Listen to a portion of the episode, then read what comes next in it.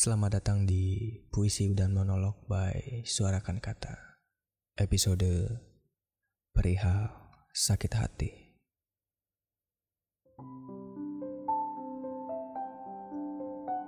Setelah sekian lama sendiri Sampai-sampai hati ini berdebu karena tak ada yang memiliki. Untukku Jatuh hati lagi rasanya aku takut takut luka untuk yang kedua kalinya. Dia yang datang dengan senangnya, menancapkan luka lalu pergi dengan kejamnya. Aku memiliki makhluk kecil bernama hati. Aku bersahabat dengannya sejak umurku baru di dunia.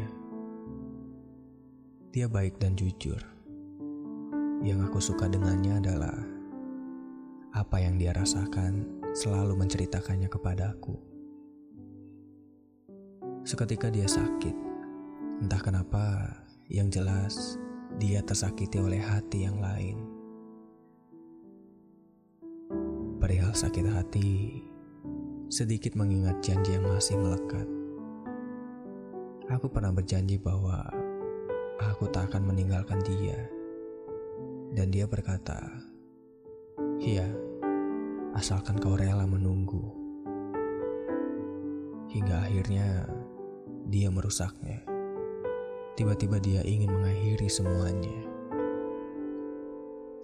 Aku sangat kecewa. Di saat aku rela menunggunya, dia malah terbang ke pelukan yang lain.